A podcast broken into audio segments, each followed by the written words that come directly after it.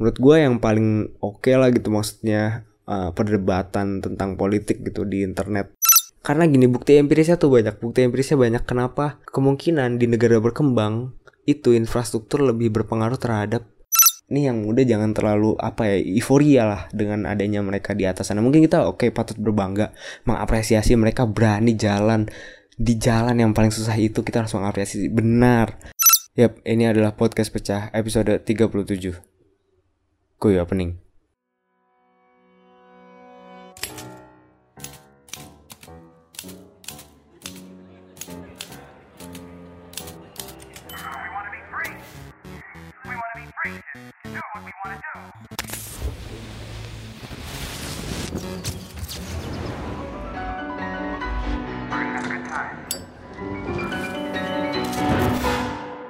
You're listening to Podcast Pecah.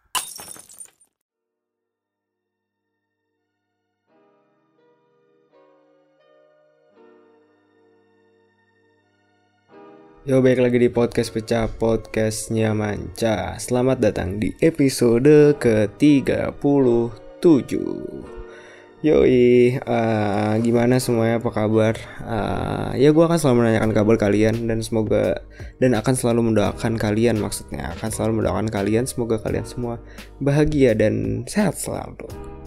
Oke, okay, uh, mari berasumsi kalian semua bahagia. Kalau kalian tidak bahagia, mari lanjutkan podcast ini. Ciki itu apalah. Uh, Oke, okay. sebenarnya gue tuh lagi gimana gitu perasaannya. Ya anjir apa nih kok ngomong perasaan?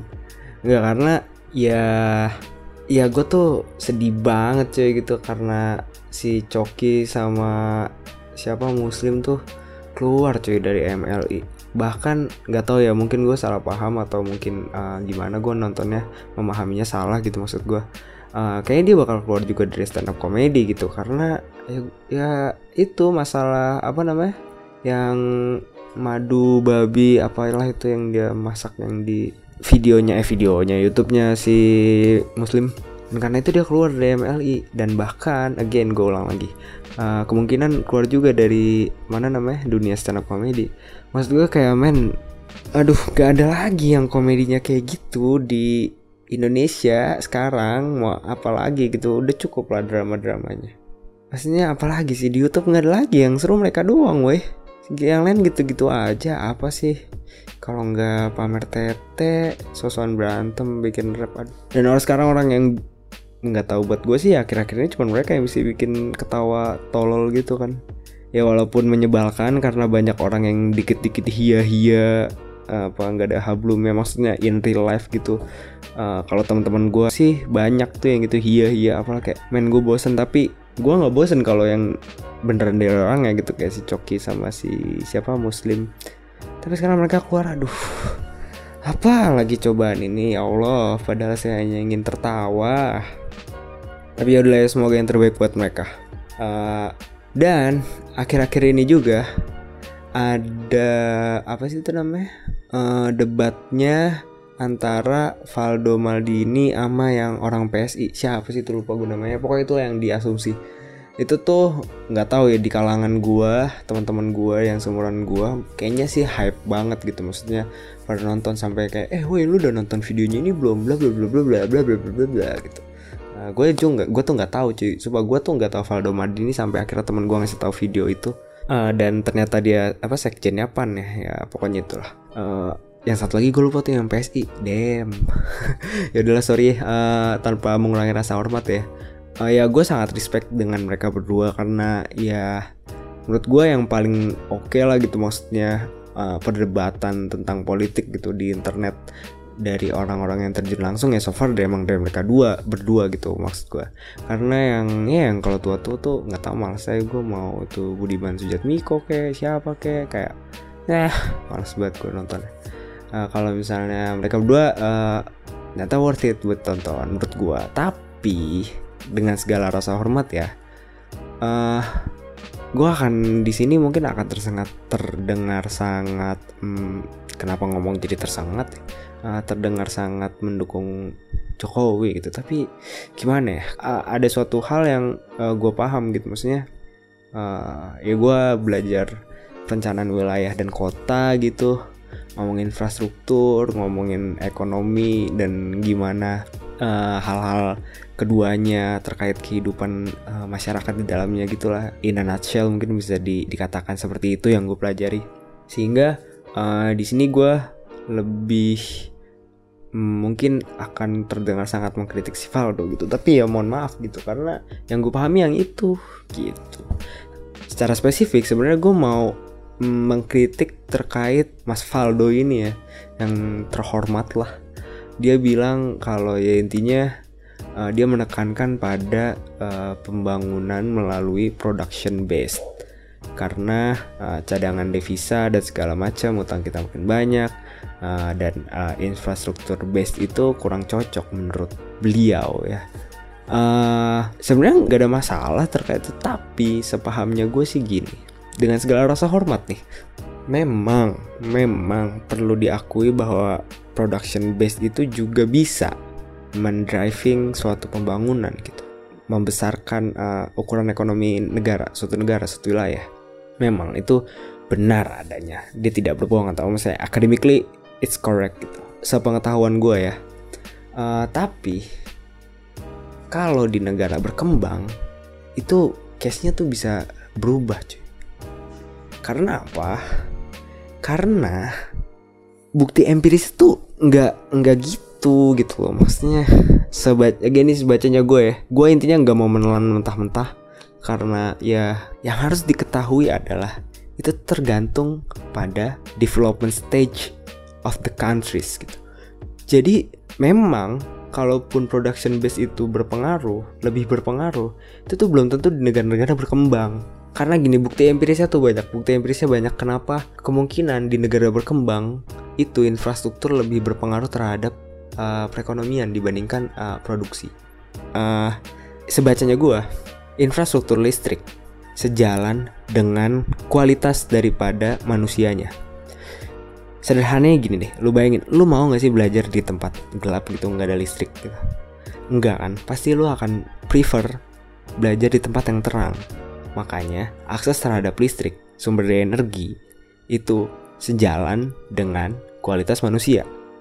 Oke, itu bukti empiris. Ini bukan teori. Again ini bukti empiris. Bukti empiris adalah bukti yang uh, intinya udah ada uh, case-nya gitu. Udah ada case tadinya ini bukti empiris dari berbagai negara. Mau negara maju negara berkembang negara uh, underdeveloped gitu. Kayak gitu.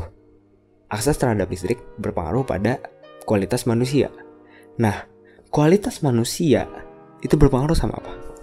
Berpengaruh sama bagaimana kemungkinan dia untuk semakin miskin berkurang dan untuk berinovasi semakin tinggi. In a nutshell ya, in a nutshell mungkin kayak gitu. Jadi, kalau misalnya listrik berpengaruh pada bagaimana dia untuk susah miskin dan lebih mudah untuk berinovasi, maka kemungkinan untuk berinovasi lead atau berujung juga pada bagaimana dia bisa memproduksi barang. Nah, kelihatan kan?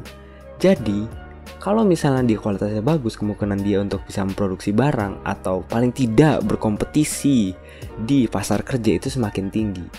Di situ infrastruktur penting, terutama di negara-negara berkembang. Again, ini bukan kata gua, ini kata berbagai penelitian.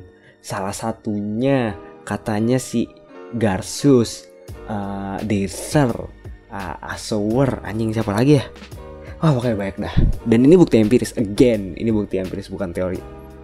Jadi di situlah pentingnya infrastruktur. Kalau misalnya kita nguatin di produksi, infrastruktur yang gak kuat, antara produksi semakin mahal dan akses orang-orang yang tidak dapat menggapai fasilitas-fasilitas umum itu makin tinggi yang ada orang-orang yang bisa menaikkan produksi itu cuma beberapa golongan-golongan tertentu which means bisa berpengaruh pada gini rasio. Tahu gini rasio apa? Gini rasio adalah ketimpangan antara yang kaya sama yang miskin yang kaya makin kaya yang miskin makin miskin. Begitu infrastruktur. Kalau misalnya contoh tadi ini listrik aja ini listrik ya belum ngomongin jalan. Intinya yang paling penting nih kurang lebih infrastruktur itu tuh energi sama uh, transportasi. Di dalamnya ada jalan ada uh, sistem transportasi dan lain sebagainya.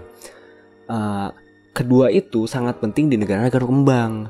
Kalau di negara maju itu kedua ini nggak bakal penting. Intinya intinya gini impactnya itu nggak bakal sebesar di negara berkembang. Kalau dua ini di kasarannya dinaikin kualitasnya di negara kembang itu efeknya mungkin bisa 50 sampai 70 persen gitu. Tapi kalau di negara maju akan ada namanya bottleneck. Bottleneck sehingga uh, karena kualitasnya udah baik dan kalaupun dinaikkan paling pengaruhnya ke growth ekonomi itu paling cuman nggak paling juga sih ya mungkin di bawah 30% atau 20% lah kurang lebih seperti itu sederhananya.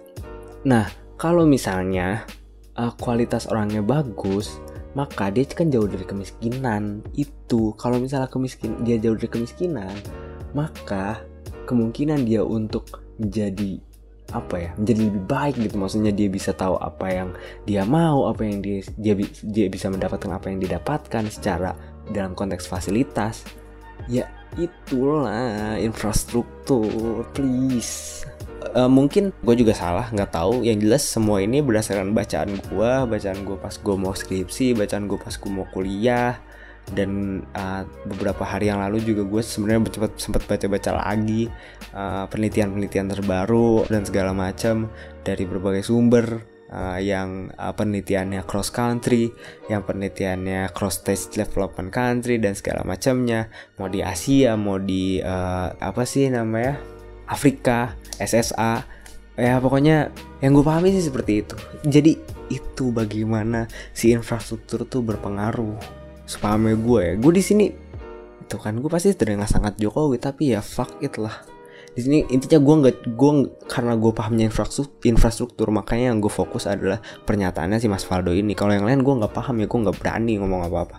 Tapi kalau yang ini karena gue udah baca dan gue yakin dengan apa yang gue baca resource-nya jelas source-nya jelas maksud gue kok jadi resource uh, ya udah gitu dan kenapa gue ngomongin di sini sepenting itu kah harus ini diomongin? Karena banyak orang seumuran gue maksud gue itu tuh terlalu menggebu-gebu melihat uh, apa ya melihat si dua orang ini berdebat. Banyak teman-teman gue bilang kayak iya tuh debatnya bagus nih berkualitas bla bla oke okay, fine itu berkualitas. Tapi itu berkualitas buat kalau kita bandingin sama orang-orang yang di atasnya mereka gitu yang lebih tua kalau dibandingin sama yang tua itu bagus tapi di sini gunanya kita yang yang yang mungkin lebih muda lah bisa dibilang itu tuh gimana kita tetap kritis sama mereka gue yakin di orang-orang yang tua itu pas mudanya dulu sepinter itu, sekritis itu, se scientific itu diskusinya. Tapi pas jadi tua apa? Entah kenapa gue yakin mereka jadi tua dan pura-pura bodoh dan segala macamnya kelakuan aneh zaman sekarang itu orang-orang tua itu ya karena mereka nggak dikritik keras dari awal gitu. Harusnya nih orang-orang kayak kita yang kritik mereka gitu. Ya, ya yang yang kayak Mas Faldo, Mas Mas PSI itu siapa pun itu orang-orang yang mau mencoba apa masuk ke jalur politik tapi umurnya mungkin gak sejauh sama kita gitu masih kasarnya masih setengah matang mungkin ya, ya gitu lah itu tuh harus kita kritik man dari awal. Langsung aja keras nggak apa-apa lah karena ya biar dia keras biar dia tahu gitu rasanya. Maksudnya biar dia sadar adanya kita itu masih bisa mengkritik dia dengan cara yang lebih baik lagi gitu. Ini tuh bukan cuma sekedar kritik-kritik sampah gitu. Di sini tuh kritiknya yang penting kritiknya baik membangun dan lain sebagainya dengan segala rasa hormat nih ya Mas Faldo ataupun siapa yang dengarkan yang ngefans sama Mas Faldo ataupun apa. Dengan segala rasa hormat ini tuh gue mencoba mengkritik dia melalui bacaan yang gue baca pengetahuan yang gue tahu gitu dan sangat terbuka dengan segala macam suggestion. Dan gue melakukan ini karena gue merasa gue perlu melakukan ini untuk menjadi contoh bagaimana menjadi dalam tanda kutip adik tingkat dari orang-orang itu Mas Faldo dan Mas Mas PSI itu. Gitu. Ya karena gue pahamnya infrastruktur makanya yang gue bahas yang itu. Yang lain gue nggak paham. Ini gitu men.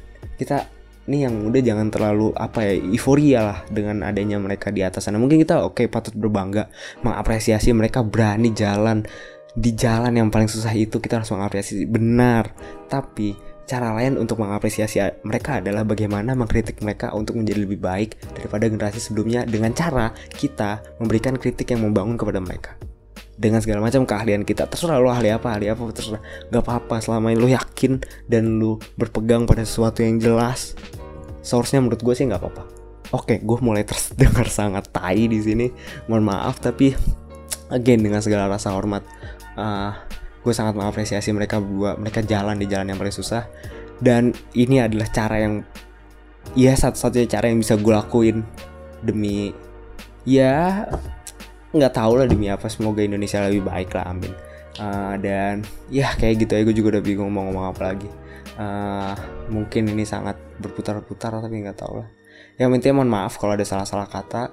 Tujuan podcast ini hanya ingin uh, memberikan sebuah gambaran-gambaran kecil dari part-part yang akan sangat beriak-riak lebih besar lagi gitu.